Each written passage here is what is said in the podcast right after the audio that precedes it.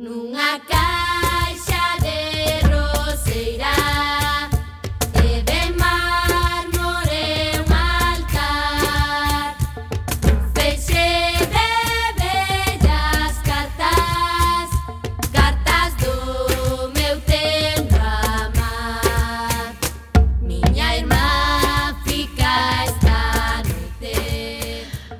Ola, que tal, recendeiras e recendeiros? Benvidas e benvidos a este espazo radiofónico semanal dedicado á cultura que facemos en rigoroso directo todos os martes ás 7 da tarde aquí en Coac FM no 103.4, a Radio Comunitaria da Coruña.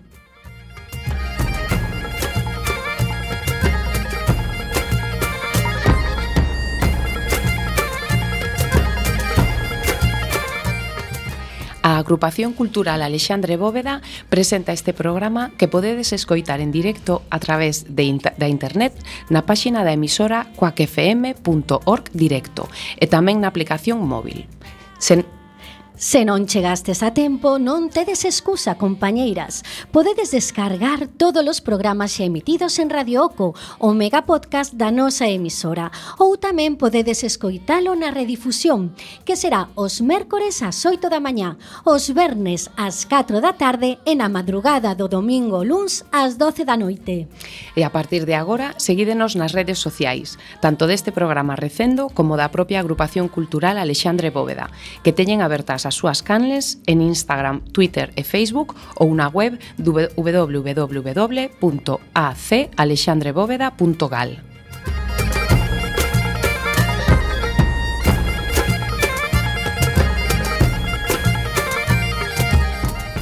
E xa, sen máis, imos caralo na procura desta fantástica aventura cultural con Roberto Catoira no control técnico e falándolles coa alma inteira na zarroca na locución e Diana López.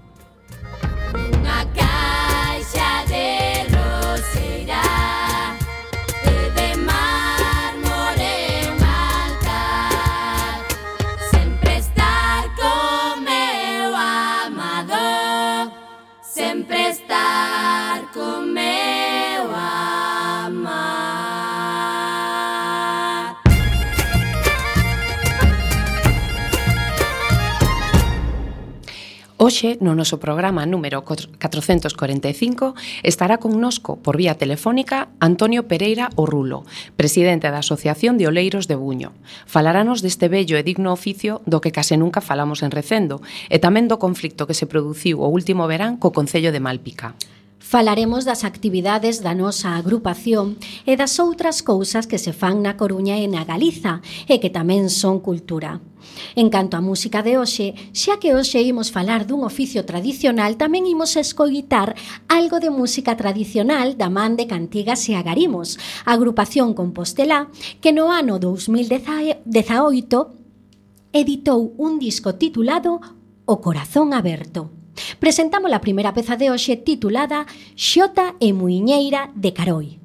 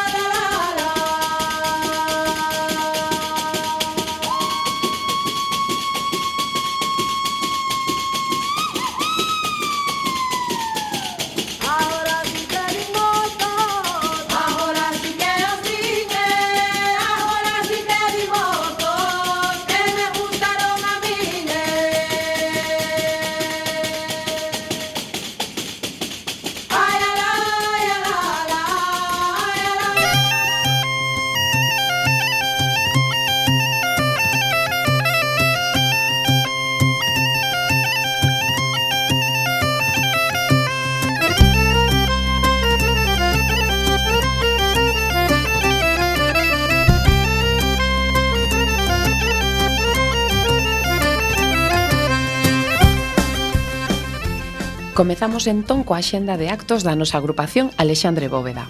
Mércores 18. Dentro do ciclo dedicado ao centenario de Seminario de Estudos Galegos, Xosé Fraga ofrécenos a palestra O encontro do galeguismo coas ciencias. O SEG creou varias seccións relacionadas coas ciencias, as de Ciencias, Fisioloxía e Xeoquímica, que publicaron os primeiros artigos técnicos de investigación científica en galego. Xosé Fraga Vázquez dirixiu os Museos Científicos Coruñeses e o Álbum da Ciencia do Consello da Cultura Galega. Será a sete e media no noso local. O xoves 19, José María Monterroso de Besa presentará a súa obra As miñas teimas, as nosas teimas. Trátase dunha escolma da colaboración do autor na prensa galega e afín no período 1975-2020. Radicado e xubilado na cidade natal, comparte convivencia anual con Montevideo. Acompañarán o autor Carlos Pereira e Xulio López Barcálcel será a sete, a sete e media no noso local da Rúa Santo André 36 primeiro andar. O sábado 21 inauguramos no noso local a exposición As aforas, as aforas dunha cidade estranxeira de María Meseguer, fotógrafa nada en Madrid en 1966. É unha serie fotográfica que recolle escenas casuais da paisaxe urbana, principalmente da Coruña. O luns 23 continuamos co ciclo Pensando o Futuro coa participación de Anxo Quintela, quen nos ofrecerá unha palestra baixo o título de Precisamos de medios de comunicación públicos, que nos pide dispoñer en Galiza duns medios públicos independentes, veraces e plurais. A resposta non é tan obvia como parece.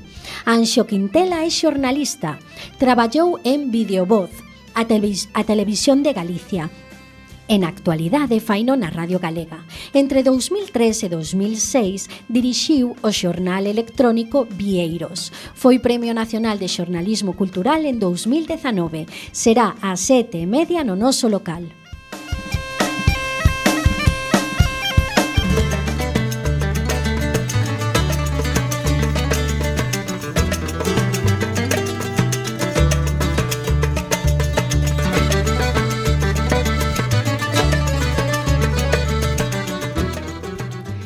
Pasamos agora á xenda coruñesa. Eh, no referente ao audiovisual, nas salas do cine do Fórum Metropolitano podedes ver a película arxentina Paula, que trata sobre a anorexia dunha adolescente, e a canadiana Matías e Maxim sobre a relación entre dous amigos que se dan un bico nunha curtametraxe. Poden verse dende os xoves 19 ata o sábado 21 nos horarios habituais destas salas. A gran cita desta semana é a sexta edición de Intersección, o Festival de Arte Audiovisual Contemporánea, que se celebrará na cidade da Coruña entre o 17 e o 22 de outubro. Cada ano este festival supón unha ocasión única para que o público poida gozar de estreas exclusivas de películas que habitualmente non chegan ás salas nin plataformas. As obras proxectaránse en escenarios como Teatro Colón, o CGI Palexco ou a Fundación Luis Seoane. No eido das artes escénicas, a última montaxe do Centro Dramático Nacional é da autoría da galega Esther Carrodeguas e titúlase Supernormales. Reflexiona sobre os prexuizos que ten a sociedade sobre a sexualidade das persoas con diversidade funcional. Será o Benres 20 e o sábado 29 ás 8 e media no Teatro Rosalía de Castro. O Lago dos Cisnes é unha magnífica obra para ballet con música composta por Tchaikovsky e con coreografía do célebre Marius Petipa. O Ballet de Kiev segue de xira ofrecendo esta delicia que podedes ver o sábado 21 ás 8 no Pazo da Ópera. Segue de xira polo país a gran gala internacional Galicia Ilusiona, na que actúan os españois Miguel Muñoz e Amadeo Edama, o arxentino Paul Ponce, a venezolana Dania Díaz e o francés Gerald Legriou. Actúan o Benres 20 en Palexco con sesións ás 6 e media e 10 e media. Unha semana máis, hai dúas citas co teatro infantil. A compañía Martín Melinsky representa Único, unha obra de clown, teatro xestuale de obxectos. Será o sábado 21 ás 8 no Ágora. A compañía asturiana Luz de Gas representa Lúa, o domingo 22 no Teatro do Andamio, con sesións ás 12 e media e ás 6 da tarde. En canto á música, o grupo valenciano La Habitación Roja pecha este ano o ciclo Agora Selecciona, celebrando os seus case 30 anos de carreira. Será o Benres 20 ás 8 horas no Ágora. A Orquestra Sinfónica de Galicia, dirixida por Stanislav Kochanovsky e María Ludevich no violín, interpretará un programa con pezas de Xiotakovich e Bela Bartok. Será o Benres 20 ás 8 no Pazo da Ópera.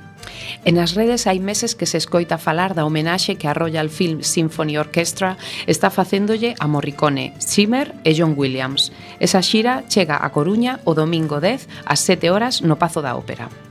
E en canto ás exposicións, acaba de inaugurarse unha moi interesante exposición titulada A Bretaña que hai en nós, para afondarmos na relación xa analizada por Alfonso Daniel Rodríguez Castelao entre a Galiza e a Bretaña a través dos cruceiros. Estará no Ágora ata mediados de novembro organizada pola Asociación de Veciños da Agra do Orzán.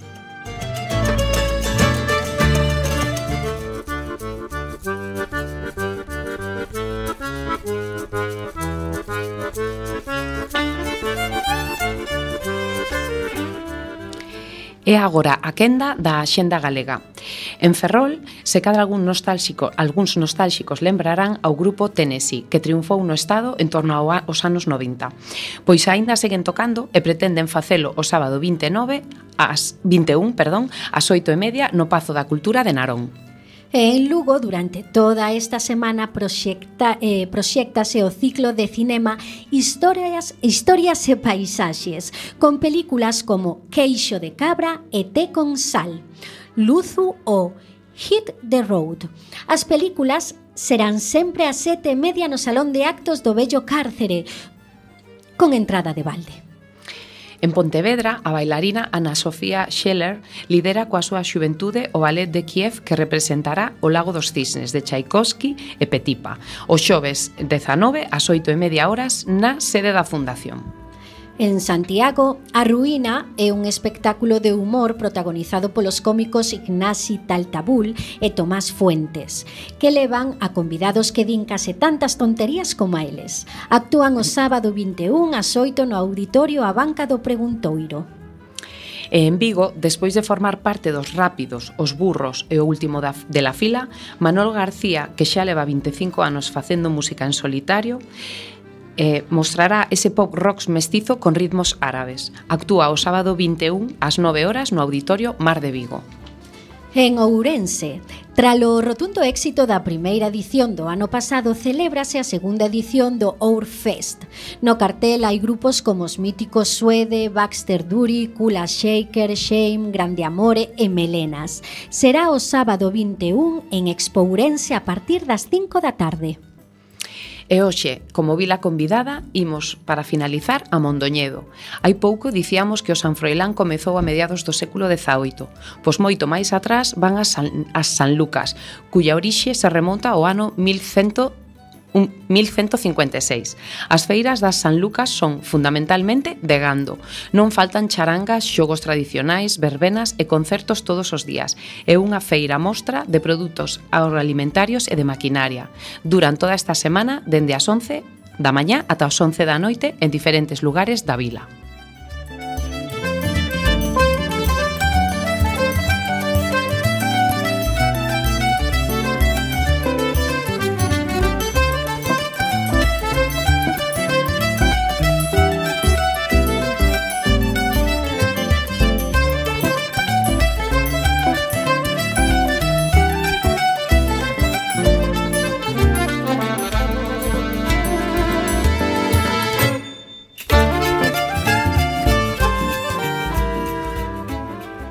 artesanía forma parte da cultura e por iso vai ser a protagonista desta nova edición de Recendo.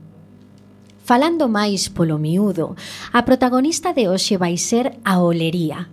Para falar de olería, temos connosco a todo un experto e dos responsáveis de que este oficio tradicional siga presente e vivo. Esta tarde acompáñanos o presidente da Asociación de Olería de Buño.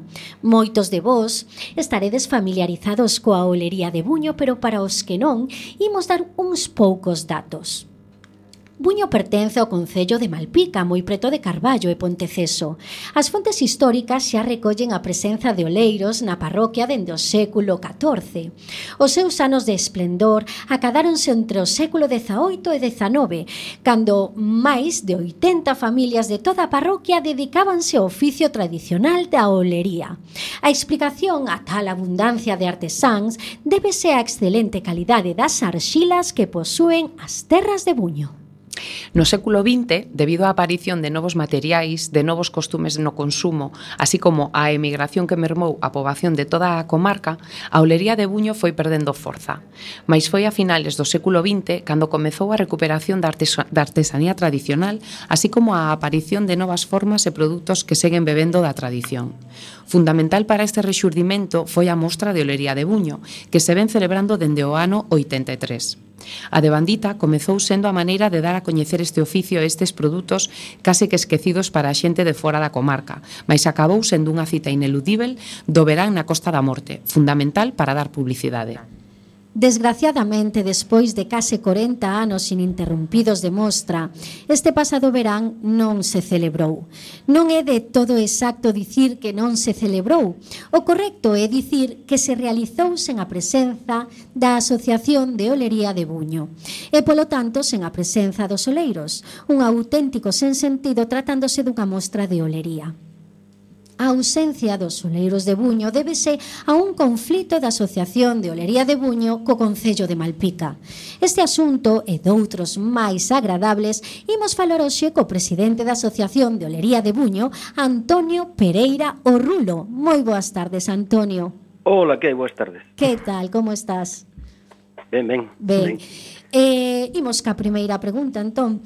Eh, cantos artesáns forman a Asociación de Olería de Buño? Contanos. Pois agora este momento somos 12. 12. E están asociados todos os oleiros que realizan a actividade?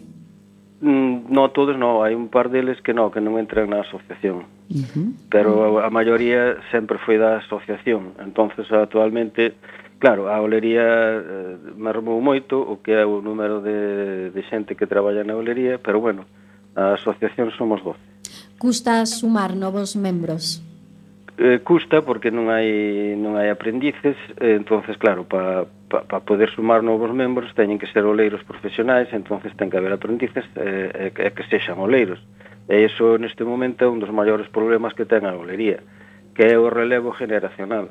Mm. Estánse a intentar a facer varios cursos, vamos a empezar ora algún curso, a ver se a xente se anima, tamén cursos de, de especialización, pois xa oleiros que están traballando pois, para que sepan a facer a olería tradicional e que nos esquenza. E bueno, estamos traballando en eso e esperemos que que podamos conseguir que isto da olería, pois, se non aumenta moito, tan sequera que non merme. Claro, porque... Hola, Antonio, boas tardes. Hola, eh. Agora mesmo, canta xente pode vivir da olería de Buño? Home, si, era o que dicía directamente, pois, pues, hai 12 talleres, máis ou menos, en algún taller hai dúas persoas traballando, eh, sempre está o matrimonio traballando no taller, despois hai varias tendas, aquí en Buño, e bueno, pois pues, eso, pois, pues, actualmente, pois pues, eso, pois poden vivir unhas 14 ou 15 familias da olería. Uh -huh.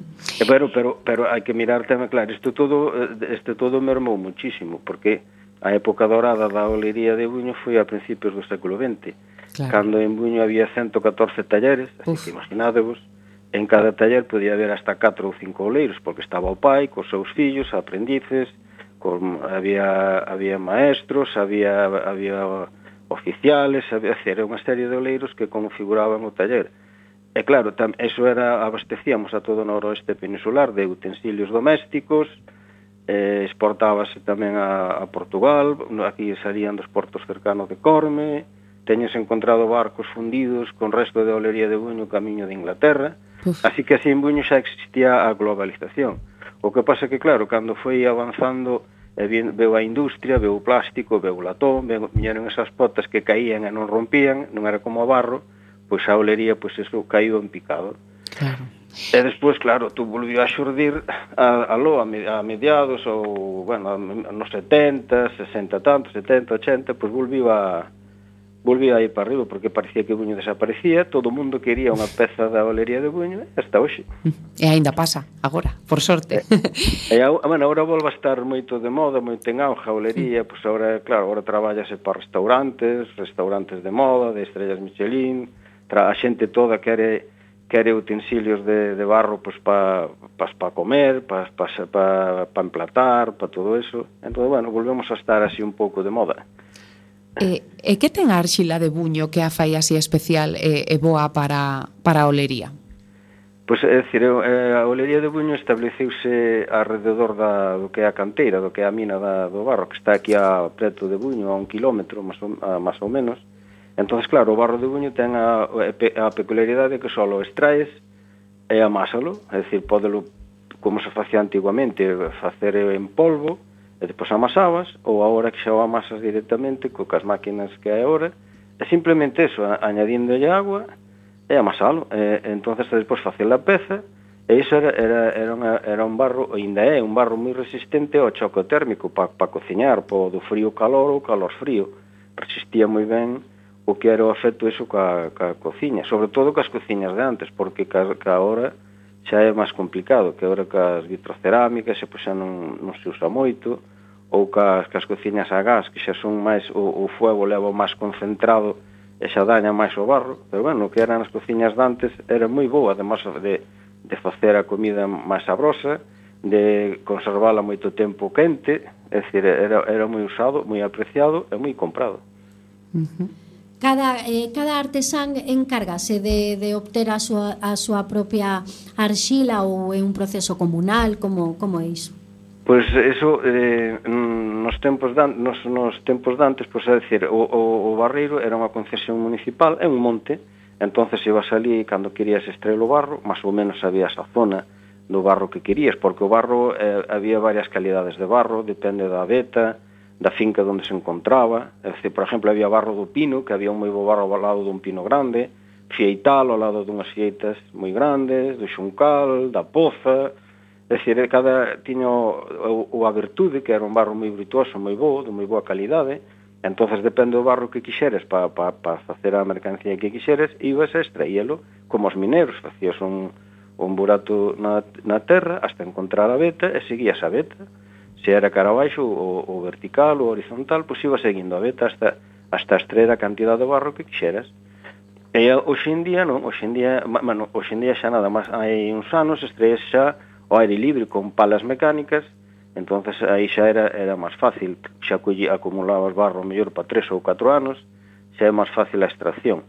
E hoxe en día xa está aquí ao lado Cerámicas el Progreso que fixo unha unha procesadora do barro, unha, unha, gran, unha máquina grandísima, entonces el xa extrae o barro e xa non lo prepara e dánolo xa en, en comercializado en tacos de 12 kilos a medio. Así que está industrializado o proceso, por dicirlo o proceso de alguma maneira. De, sí, sí da, extra, da extracción e amasado, hoxe en día sí, témolo témolo, é dicir, é o que variou.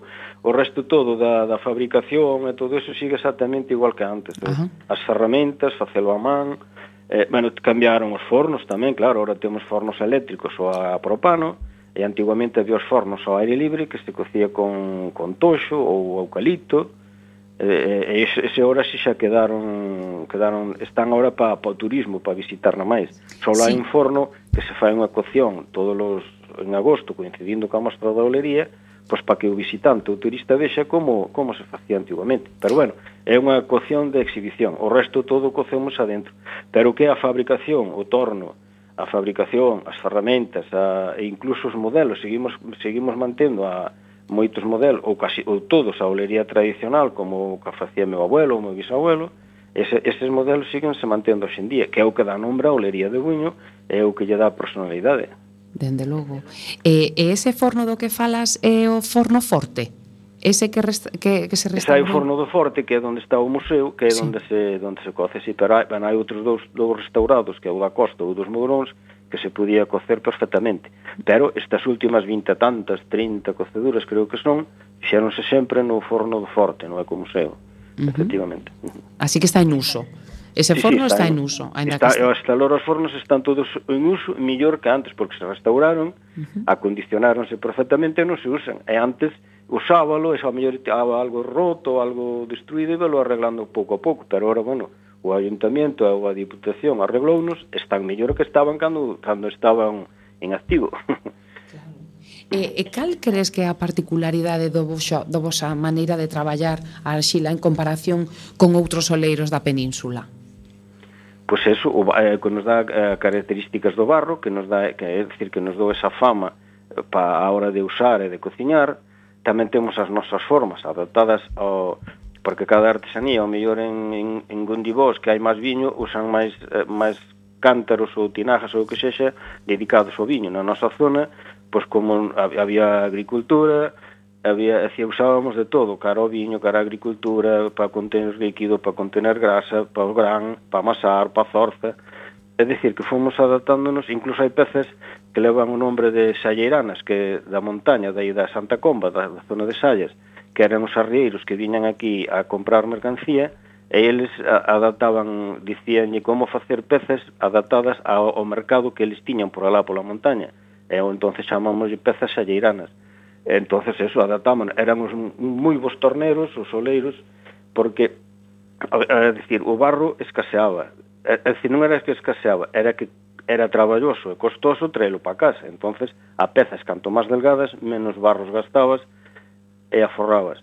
Despois, como se levaba todo en caballerías, en mulas ou en, bu en burros ou cabalos ou como fose, o, o arrieiro, que cantas máis pezas levara co mismo peso, millor. Entón, eh, eh, os, os soleiros que traballaban máis fino, máis delgado, eran os que tiñan máis éxito.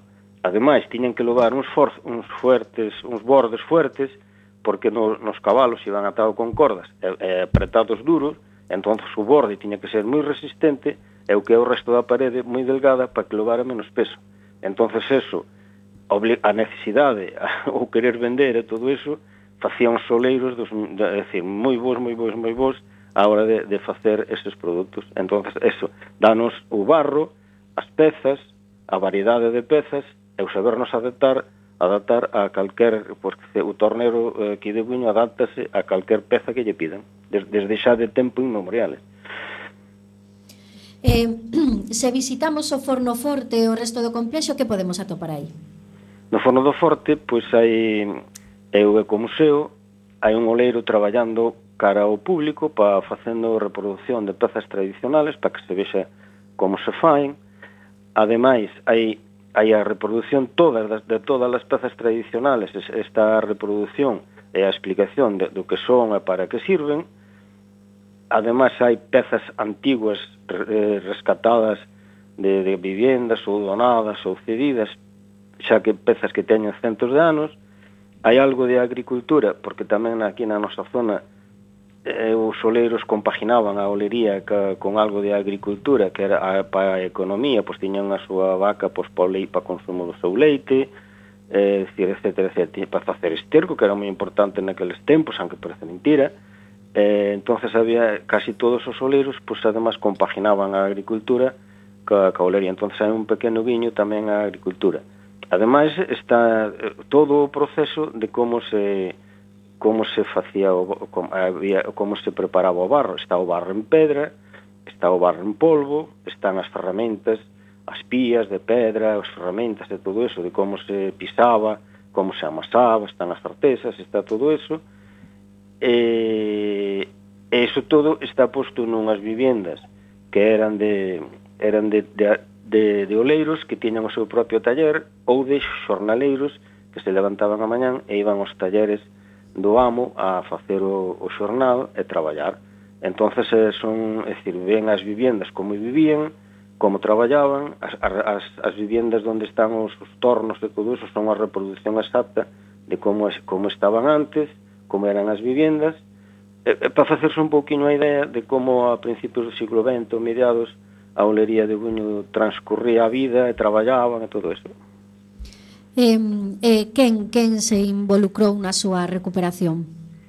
Na súa recuperación eh, involucrouse o máis máis foi o, a Diputación Provincial da Coruña xunto, claro, co Concello de Malpica o Concello de Malpica foi o impulsor o que na, hai cantos anos hai de 30, 30 e tantos anos que isto está aberto pois que eso fexose na recuperación na compra das viviendas porque aí hai, hai, hai, hai, había algunha xente vivindo buscar unha vivenda, comprar comprar aí todo o o que o recinto o forte e despois a Diputación co, empezou a, a, a súa restauración e empezou na, sendo presidente da Diputación eh, Augusto César Lendoiro que era unha persona moi interesada nesto foi un gran impulsor desto da olería mira que ten vido a coceduras e deixar comidas co Depor para vir a, a ver como se facía.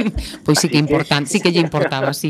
Así que, imaginadvos. Despois tuve un pequeno paro cando foi Torres Colomer, o que fora alcalde de... De Ribeira. De, de Ribeira, foi tamén os cinco anos presidente, ou catro anos presidente da Diputación, si eses catro anos sí que estuvo parado.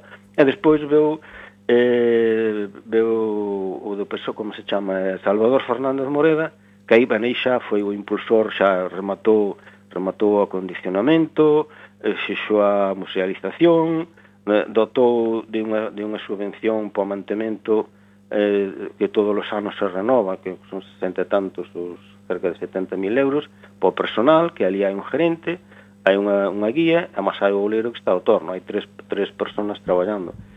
E, además, eso, a musealización, é todo, bueno, é a cocedura, facer das coceduras, facer o convenio, de facer unha cocedura ou dúas anuales, etc, etc. Entonces, os, impul grandes impulsores foi Augusto César Lendoiro, é Salvador Fernández Moreda e a Diputación en general, porque ainda hoxe sigue co convenio e sigue mantendo a, a mostra. e quizáis ese entón un bon momento agora, Antonio, para preguntarche que, que cal foi a polémica do co Concello este ano que non que non que permitiu facer esa mostra de olerías en olería. Xa, xa, xa, pois, ben, é dicir, que o Concello exactamente, exactamente non, aunque sí, porque claro, foi, ser foi con un concejal, o concejal da mostra de olería, Alfredo Cañizo, cando xa tivemos, tiñamos reunións anteriormente antes das eleccións, despois cando foi as eleccións volví a salir concejal en delegado, concejal delegado da Mostra da Olería, e entonces aí foi onde saliron discrepancias na organización, eh, a hora que, de que nós estábamos traballando e organizando e despois chega a finales de junio e, e non hai nada do que nos, do que nós tiñamos pensado, Entonces, claro, como chegas ao final e como non hai o que nós temos pensado, hai que adaptarse ao que haxa, e a nosa esa mostra pois, non a queríamos. Entonces houve unhas pequenas palabras, bueno, un, un WhatsApp máis ben agora palabras.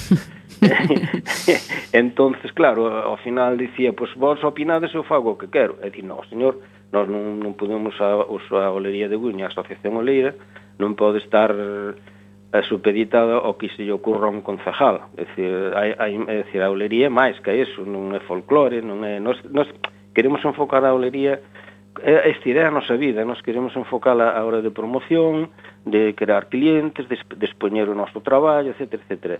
E traer xente con esas cousas, non con folclore, nin, que eso tamén está ben, que hai que telo pero non somos, é dicir, non somos sin menospreciar, non somos unha comisión de festas, cada un, comisión de festas está para facer festa e nós estamos para facer a mostra da olería. Entonces aí surgiu a discrepancia, tuvamos reunión co alcalde, así yo comunicamos, e o alcalde ofreciunos a oportunidade de, si, si el, por exemplo, deixa a olería e eu me poño á e facemos a mostra da olería, e nos dixemos, nos este ano non, Este ano non, porque non hai nada do que queremos. Se facer a mostra que el quere, pois non a facemos. Pero se facemos unha mostra pequeniña nós, ao noso aire, sin gastarlle os cartos da Diputación, e os cartos devolvémolos.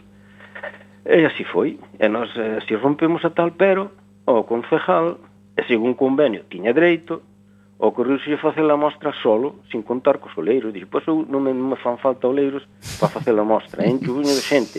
Fajo unha gran sardiñada gratis, fajo queimada gratis, traio conjuntos, con, con, fago aquí conciertos, e leche enchubiño de xente, a noite, enchubiño de xente a noite. E claro, e os soleiros, eh, nos tivemos unha reunión con todos, comunicámos e dixemos, no, pois nós nin imos expoñer, nin vender, a mas además cerramos a tienda sen protesta. Claro. E así foi, houve unha mostra da olería típica que só estaba o concejal e os que facían o folclore, non, é dicir, non houve nin 20 personas en toda a mostra, creo, porque claro, además nós fixemos mobilizacións, claro, e dicíamos a xente o que era, o que pasaba, e máis fixemos algunha protesta, porque claro, ese se tomarnos o pelo, porque que, que, nos, que se alguén faja unha mostra de olería sin contar cos oleiros, sí. pois pues eso é inaudito. Claro, el ten olería que ten na casa, na súa colección, ou que lle prestan, ou que non sei que, vale, pero esa non é a olería que nós queremos expoñer, porque nós cada ano a, eh, queremos expoñer as nosas coleccións, o que nós pretendemos eh, dar a conocer para que a xente sepa o que facemos e nos compre, E non pezas de 20 anos ou 10 anos, que serían moi bonitas naquel tempo, ainda poden ser, pero como non son pezas tradicionales, agora xa quedaron anticuadas, xa quedaron obsoletas. entonces eso non é o que nos o, o, da, o da nos, e sobre todo non é sardiñada gratis, nin é queimada gratis. Sardiñada faise, e claro, é un podes facer un evento cunha sardiñada ou a carroba da cocedura, ou sempre hai un concierto e faz unha queimada, pois para, sempre fai a asociación pois para recaudar algún carto para, para, para a súa asociación, para facer cousas, isto sí, pero iso non é, non é a mostra da olería. A mostra da olería é desde que abren as casetas ou abre a mostra das 11 da mañán ás 8 ou 9 da noite. Esa é a mostra da olería. O resto é un añadido, pois para, bueno, pois para axudar ao pueblo, para, para ter xe, que sei, algo así, pero non, iso non é a mostra da olería. E así pasou, fixo eso, non houve nadie, as autoridades tamén nadie deu axudarlle, nadie deu nadie deu a súa inauguración, estaban solos. E o alcalde, claro, aí, aí, aí é onde entra que o alcalde entrou no xogo aí é onde entra que o ayuntamiento pois, tamén pudo participar neso. Pero tamén o alcalde en entrevistas posteriores dixo que eso nunca máis volvería a pasar se fora alcalde. Eso quere dicir que non lle gustou, que non tuvo ben. Claro, porque en realidade a quen pertence a mostra? É unha cousa que en realidade é como a vosa, non? Da asociación, pero contando co apoio de Deputación e Concello, non? Claro, é que a, mostra, a mostra da Olería, este, vamos, este ano sería a, a, 40, a 39 mostra, non? Pero en realidade houve cinco anos parada, a máis os anos da pandemia, pois eh, se, mm. se tuveramos todos os anos consecutivos, Pero claro, eses cinco anos que tuvo parados, porque tuvo? Pois porque non había cartos para facer unha mostra, a mostra, é dicir, eh, hai unha, hai, ten uns costes, e a asociación Soleiras ou a asociación que había antes non podía facer frente a eses costes. Por lo tanto, pois non fixo mostra, a, a asociación disfíxose, e tuvo cinco anos sin haber mostra. E a partir de aí colle o ayuntamiento, organiza o ayuntamiento contando ca asociación Oleira, cos oleiros, pois, para facer a mostra. E Inde, incluso sendo eu concejal, que era eu concejal do Copesoi, con, con Fernández Moreda, pois chegamos ao acordo de que nos daba, naqueles tempos dábanos 60.000 euros pois, para facer a mostra de oblería. E fixos un convenio, e claro, quen pode manejar eses 60.000 euros? O Concello, porque na Diputación hai que facer o gasto, decretar o gasto feito, presentar as facturas, e se, e se, e se está todo ben e aproban, pagan. Pero a Asociación Oleira non ten capacidade de para pa gestionar estes 60.000 euros e gastalos, eh, non, non ten 60.000 euros. Entonces, quen ten esa capacidade? Ten o Concello. Pero claro, o Concello hasta ahora, os concejales que había hasta ahora, e os que colaboraron na organización da mostra, pois iban acorde co, pois, ca, ca os oleiros, ou facían, eles, eles eran os gestores dos cartos, eran os que tiñan que reparar que os gastos se gastaran correctamente, pero claro, se, se, se, a, se a asociación oleira ou os oleiros queren organizar a mostra dun xeito, pois eles o que queren é que os oleiros estén contentos e que a gloria vai ben. Entón foi o que se fixo sempre, hasta, hasta chegar ese señor, que ese señor que, o que quería era figurar ela, facer el asunto, xo. E aí foi onde rompiu. Que, como lle dixamos ao alcalde, si, si el o quitas de concejal da olería, pois pues podemos volver a retomar a cousa ou a mirar, pero se mentres que el sea concejal da olería, nós non participamos neso. Faceremos unha mostra nós pequeniña, como poidamos, sin, sin moito coste, ter esa mostra para a mostra da olería de sempre, non? xa, pois pois é unha pena a verdade que, que chegarades a ese, a ese punto, pero eh, contades entón o ano que ven con, con organizar a vos en solitario? É, é, é dicir, eh, en realidad tuvemos, tuvemos unha eh, tuvemos unha reunión e dixemos que organizábamos nós. O alcalde ofreciuse a ir con nosa Diputación para conseguir o máximo de subvención para nós, para que nós poderamos organizar. Tivemos unha reunión co vicepresidente da Diputación e que, claro, os nosos cartos que nos poden dar son moi poucos e, e seguimos sendo na mesma tesitura de antes, que hai que hai que ter un fondo para gastar e despois presentar facturas e cobrar, tardarás un ano, non sei que. Entonces, claro, ele intenta que cheguemos ao acordo co ayuntamiento e tuvemos a reunión e di, bueno, pois podemos chegar a un acordo, primeiro o ayuntamiento hai que cambiar o convenio para que, para que se, eh, non, non veña unha, un concejal loco e faja a mostra el solo, porque claro, conforme estaba antes o convenio, podía facer era promoción da olería, e de que é, é, eh, eh, é pouco máis, é dicir, con ter olería e facer promoción da olería pode facela incluso en Madrid, non tan falta de ser en Buño. E presente os gastos, os costes e tal, sin problema. E entón, ora dixan, bueno, pois pues hai que cambiar o convenio pois o convenio, non sei, que, que teña que haber un número de oleiros que participen, que a mostra teña que ser en Buño, que non pode ser noutro. É dicir, facer un, un convenio adaptado a que a mostra da olería pois, sea en Buño e o gasto que haxa se acorde cos oleiros para que os oleiros participen e non volva a haber esta, esta sin razón. E, estamos niso, estamos en, en facer o convenio, que despois, a, despois nós faceríamos o convenio co Concello pois para ser iguales de igual a igual, non ser uns convidados de pedra é que nós opinemos e o Concello decida, non. Ali xuntarnos e decidir entre todos, aunque o Concello sella o que maneja os cartos e organice os gastos, e os gestione, porque claro, hai que, hai que, hai que gastalos correctamente para que entre no convenio. Isto que a non mellor sabe o, o, o Concello, os seus funcionarios. entonces chegar a ese acuerdo, pero, facer, pero traballar de igual a igual. Que nós non queremos, non queremos facerlle daño ao Concello, nin queremos que o Concello nos faga daño a nós, nós queremos facer unha mostra de olería boa, porque nos convén a nós, convén a pueblo e convénnos a todos. E o alcalde quere que haxa unha boa mostra, porque tamén iso promociona a Malpica e promociona el mismo. Entonces estamos estamos nesas. Entón, a ver que pasa, se, se chegamos a un acuerdo todo eso, pois pues, volveríamos a facer a mostra co Concello, pero se non chegaremos ao acuerdo, pois pues, faceríamola nós. Sí, sí, claro. Eh, eh, entón, fálanos un pouco desas pezas tradicionais que se producen en Buño. Como podemos identificar que unha peza pertence a Buño?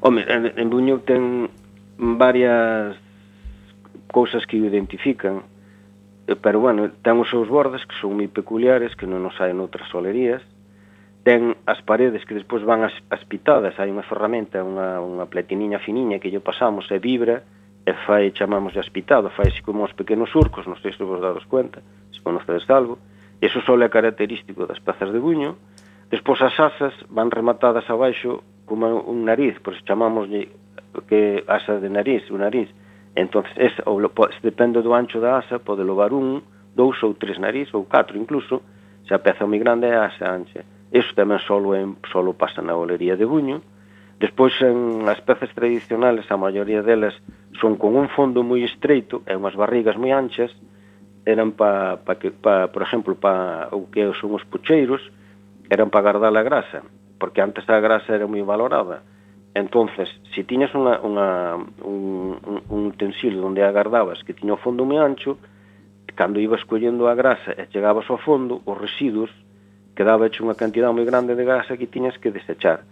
Pero se o fondo é estreitiño, a cantidade de, a desechar é moi, é moi pouquiña, porque ao ser o fondo estreito queda acumulada toda centrada no que é o fondo estreitiño e esa era moi apreciada pois eso, polos, polos, polos labradores, pola xente rural, por todo eso, para facer, para facer eso. Ademais, collía perfectamente na, na estripia, nos tres peses da lareira, para cociñar, eh, pois non sei que máis dicirche, porque o resto, pois, non, pois, eh, e a, a decoración tamén é moi singular, decoración con temas florales ou animais, que decorábase con barro blanco, porque nós temos dúas clases de barro, temos o barro blanco ou barro fino, que lle chamaban, que se facía a loza fina, ou barro escamento ou marrón. Co, co, eh, co marrón decorábase o fino e co fino decorábase o marrón e viceversa. Chamábase barro fino porque se facía a loza fino, é dicir, se facía as cuncas, as cuncas dos pobres, por exemplo, iban esmaltadas solo por adentro, e se facías especie de cunca, pero chamábamos de escudillas ou cunquelos, iban esmaltadas por adentro e por fora, iban co barro blanco que quita de esmaltadas e un color amarillo así um, ocre, e esas eran para pa xente máis pudiente, por si unha costaba unha peseta, outra costaba unha 50 ou algo así. Era chamaba, por eso se chamaba o barro fino. E, e pouco máis. Sí. Vale. sí. e cara, cara onde se exportan esas pezas? Hombre, pois pues, hoxe en día es, eh, estamos traballando, pois pues, mira, eu ahora mesmo estou facendo un pedido para Suiza, teño outro aquí en cargo para aquí para cerca, teño outro para Santiago, teño outro para Madrid, teño traballado para Alemania, para para Australia, eh, buf, hoxe en día que a globalización e co, cos envíos traballase pois para pois pa, pa distinta xente, moi por, para decir, os restaurantes aquí da zona pois traballo para eles, pois da Coruña, de Santiago, eh, algún restaurante que lle fixen toda a, a que a vajilla toda de barro para pa, pa abrir.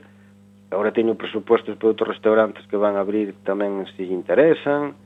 É dicir, que hoxendía estamos, como, además somos poucos, e, e eso está, está tan, tan de moda, tan en auge, que se vende muchísimo para pa eso, para restaurantes Claro, Ademais porque... disso, depois entra o que vendes as pezas tradicionales que se venden para coleccionistas, para decorar, para xente que lle gusta a olería, porque hai moita xente que ven a Buño e non ven a Buño comprar unha peza de para utensilio doméstico, pois se coincide con ela lle gusta compra, pero se ven ao mellor ven a Buño pois pola súa tradición, polas súas pezas tradicionales. Entonces, eh, adquiere tamén algunha das pezas tradicionales. Anque as pezas tradicionales, como as tazas do viño ou as cuncas do caldo, que son moi moi tradicionais, son das máis antiguas, están levan aos restaurantes, porque pa pa pa, pa servir os consomés ou as sopas ou o que sea, pois gustallo o modelo e, e, e vendense exactamente igual, ao mellor van esmaltadas se, eh, ao mellor en blanco, en crema ou no colores que eles queiran, pero que a forma e todo eso é exactamente igual a tradicional. Cales son esas pezas que atopan máis aceptación entre o público? Home, hoxe en día o que máis estou é eso, pa, pa, mm, nos, mm, había unha, había unha temporada que se facían platos decorados, eran solo para colgar, eh, para pa, pa, eso, para decorar. E hoxe en día hai un par de anos que volven a empezar a facer platos decorados, pero para usar, para facer vajillas, para comer, para restaurantes. E hoxe en día pois non dou parado, pois to, todos os meses pois platos, platos, platos, é dicir, o que estou facendo agora para Suiza pois son 80 dunha clase, 60 doutra, 60 doutra, 40 doutra, é dicir, todo platos decorados para iso para usar. Ademais, tamén agora traballa, se eu acabo de facer, por exemplo, un pedido a Zarajón, para pa baño, pues, jaboneras, vasos por cepillos, etc. etc. Coñecemos, coñecemos. sí, sí. Claro, é, é dicir que as, as grandes firmas hoxe tamén se tamén se interesan. E claro, esas grandes firmas cando piden, piden unha cantidad grande que xa tres ou catro meses xa os levas traballando para eles. E, é dicir, E como vos dades a coñecer a nivel internacional? Porque a min chamame a atención que xa pois eso, xente de Suiza que, que vos faga un pedido porque de, non deixades de ser un, unha vila pequena que aínda sí, que ten sí, moita sí. tradición como, como crees que, pues que, eso, que chega? Eso, a Fundación Pública Artesanía de Galicia que é da Xunta de Galicia é a que nos promociona, vai a feiras internacionales, eh, uh -huh. leva produtos dos que nos dos que nos poñemos, por exemplo, vai a feiras a, a Estocolmo, e eu para Estocolmo pois, levo, face, levo traballado xa dous ou tres anos, pois, intermitentemente, pero bueno, casi todos os meses hai algo. Temos traballado para Japón, porque tamén van a feiras internacionais que coinciden con japoneses, incluso aquí en feiras que facemos aquí por cerca, na Golado, aquí que veñen os japoneses, os que nos compran pois viñeron a visitarnos antes da pandemia. Depois da pandemia sí que xa non os japoneses non volveron. Pero para Estocolmo sí, pois eso eso hai que eso eso é o que lle temos que agradecer á Fundación Pública Artesanía de Galicia, que ela é a que eh, promociona nas feiras, a que collos encargos e que despois eu que fago, elevos a Santiago, e eles xa se encargan de, de mandalos por avión, facer o papeleo, porque eso máis máis engorroso será para as fronteras e para todo eso, eso xa se encargan eles. E ademais o que teña a súa página de en internet e que ir a traballar, pois por internet tamén pois pode facer esos pedidos. Pero bueno, eu estou traballando co, co Centro de Artesanía, ca Fundación, eh, xa levo, bof, sete, oito anos, e eh, o que estou facendo, pois todos os pedidos que hai, pois pois eso, pois Suecia, para Australia, para Alemania, para para onde sea, pois mandanmo, levo a Santiago e punto. E contanos hai moito imitador da olería de Buño. Da olería da olería de Buño, no, porque da tradición é moi difícil e iso sí que non, non lo imitan. Pero de, de, de querer facer olería hai moito que quere, que quere aprender e eso, logo se instala e di, bueno, eu aprendi en Buño e estou traballando. Bueno, eso, pero iso está ben, é que non... Pero bueno, o que é da imitador da olería tradicional, non, non hai moito porque é moi complicado de facer, é difícil, aí iso hai, leva anos a aprendela, e, e hoxe en día, é, é, é cando vas a un taller é a xente que quere empezar a aprender non está con esas de estar tanto tempo aprendendo, quere xa ver máis resultados inmediatos, porque antes cando eu aprendín hai 40 anos todo era todo máis tranquilo, había máis locer, había que a máis había que aprender, había que facer, había que saber, entonces dedicaba moitas horas a aprender. E hoxe en día xa é, como digo, máis a inmediateza, cando fan unhas pouquiñas cousas, pois xa se dedican a eso Ademais, claro, cos encargos que hai hoxendía para restaurantes e para todo eso xa non require tanto o que é tanta destreza ou, ou tanta dificultad a facer. Son, son pezas bonitas e todo eso, pero non é a dificultad que teñen as pezas tradicionales. E, e así por ir rematando, que futuro lleves a, a vosa tradición? Eh, hai xente que, que se acheca coa intención de, de aprender o vos oficio? Sí, sí, este momento vexo moita, moita eh, a ilusión a, a cierta xente, bueno, e na miña eu teño agora un sobrinho pois que está que se estuvo aquí aprendendo comigo unha temporada, e agora xa puxo un, un estudio na Coruña, está dando clases, ama sigue vindo xun tamén, sigue aprendendo. E ele antes de empezar, pois estuvo estudiando, fixo a carreira, viaxou polo mundo, non sei que, e agora pois volviu a dedicarse a isto. E como a él, hai, hai, hai varios rapaces que, que lle gusta e que están aprendendo a min o que me o que me causa así un pouco de medo é a moda, que sea moda, porque eu sempre ando, ando peleando luchando, para que a olería non sea moda, a olería sea unha profesión estable claro. e digna, non que, non que vaya por modas, porque esta esa espada de Damocles sempre está pendulando así sobre nós, e acaba a moda, non hai pedidos, po ano que ven que fago, po mes que ven non sei que, é dicir, cando te cando haxa un, un, un, asentamento fijo que non sea moda de que a xente traballe, que se teña futuro, pois que, que haxa aprendices, todo eso, eso, é o, eso eh, sería o futuro, sería o, o que me gustaba, pero bueno, de momento só estamos, é moda, hai, hai anos que están moi malos e outros non das feito. Claro. Eso conto. Pois confiamos en esa canteira que tedes entón. e a que hora, a que Cando abre o voso museo? Que horario ten para poder acercarnos por aí a ver as súas obras? O museo aquí do Ecomuseo abre de martes a domingo, creo que é, abre as 11, as 11 abre. De 11 a 2 e de 4 a 6, creo que é, se mal non recordo. É os domingos de 11 a 2. Ou hasta ahora era así no verano, se no inverno se van cambiar. Hmm. E que máis lle podemos dicir a xente para que que visite a vosa vila e Contanos. Mere, paga a pena, non? Sí. Facer unha visita Hombre, para ver o, claro. o voso traballo eh, centenario xa. Claro, aquí pode ver eso, visitar o museo, ver como se fan as pezas, recrearse na artesanía tradicional, a ver como eran, como era a vida e a tradición dos oleiros dantes. Ademais, hai un varias tiendas e pode marcar un recuerdo ou unha peza moi bonita e ten moitas tiendas e moito, moita, moito variedade onde escoller ademais de, de ser aquí por aquí pola zona nosa aquí de Bergantiños e de Malpica e da Costa da Morte, unha zona moi bonita que pode visitar eh, moitas cousas o faro de Narega, pode visitar decir, mm, aquí hai unha infinidade de cousas para visitar, ademais disfrutar da nosa gastronomía Dende logo. que é o, o paquete completo pois, de, de artesanía, de como se fai de un museo, pode marcar un, un agasallo para pa familiares ou para el mismo pode comer moi ben, e visitar aquí a zona. Pois nós desde aquí animamos a toda esa xente a que vai a visitar Buño, a súa loería, Eh, moitísimas gracias. Foi sí. moi moi didáctico e aprendimos moito. Así que moitas gracias e, e moita sorte. Sorte. Nada, gracias a vos e moitas gracias. Hasta luego. Chao, chao. E sen tempo para máis odiseas, imos chegando a fin do camiño deste recendo. Despedimos o programa de hoxe agradecendo o noso convidado que, como sempre, é de honra. Eh, o Oleiro Antonio Pereira, o Rulo. E agradecendo a semente pedra angular de todo o noso comando equipo de produción formado por Javier Pereira, Gema Millán e Roberto Catoira. E aquí estivemos Roberto Catoira nos controis e co alento do micrófono Naza Roca e Diana López.